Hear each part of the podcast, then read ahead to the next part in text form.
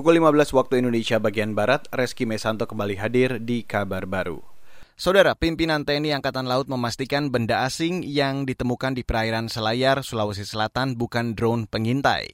Kepala Satuan Angkatan Laut atau KSAL, Yudo Margono mengatakan, drone tersebut adalah Underwater Sea Glider atau alat untuk melakukan riset keadaan bawah laut. Yudo memastikan alat itu tidak memiliki sonar sehingga tidak bisa mendeteksi kapal-kapal milik Indonesia. Jadi alat ini tidak bisa untuk mendeteksi kapal selam maupun mendeteksi kapal atas air kita. Jadi ini nggak bisa alat ini untuk mendeteksi seperti uh, sonar yang kita punya di kapal perang itu tidak bisa. Jadi ini hanya untuk data-data baterimetri atau kedalaman uh, apa air laut di bawah uh, permukaan. Kepala Satuan Angkatan Laut Yudo Margono mengatakan akan berkoordinasi dengan Kementerian Riset dan Teknologi untuk menyelidiki kepemilikan drone tersebut. Drone itu diduga berasal dari Tiongkok. Drone itu ditemukan nelayan di Kepulauan Selayar, Sulawesi Selatan pada 20 Desember lalu.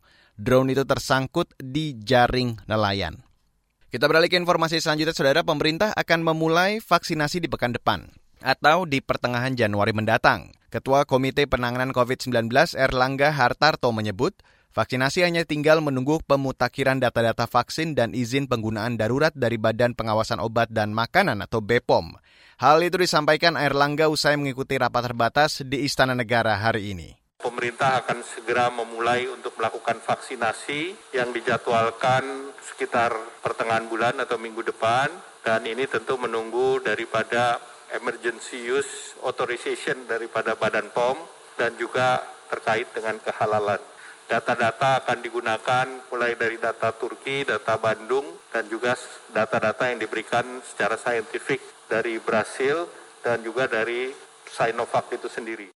Ketua Komite Penanganan COVID-19 Erlangga Hartarto menambahkan, pemerintah saat ini terus menyiapkan proses vaksinasi. Vaksinasi kata dia akan efektif jika masyarakat tetap menerapkan disiplin protokol kesehatan.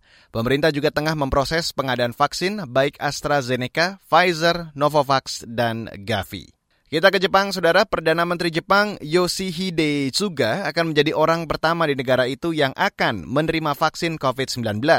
Rencananya vaksinasi di Jepang akan dilakukan akhir Februari mendatang. Suga mengatakan ia siap disuntik pertama sebagai upaya nyata untuk meningkatkan kepercayaan masyarakat. Dan saat ini keraguan masyarakat Jepang terhadap vaksin COVID-19 relatif kuat. Jepang telah menyetujui pengadaan vaksin dengan perusahaan farmasi Amerika, Pfizer, dan Moderna di tahap awal. Jepang juga memulai vaksinasi terhadap tenaga medis, warga lanjut usia, dan mereka yang bekerja di fasilitas perawatan lansia.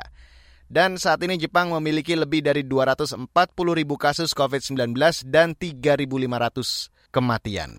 Demikian kabar baru KBR, saya Reski Mesanto.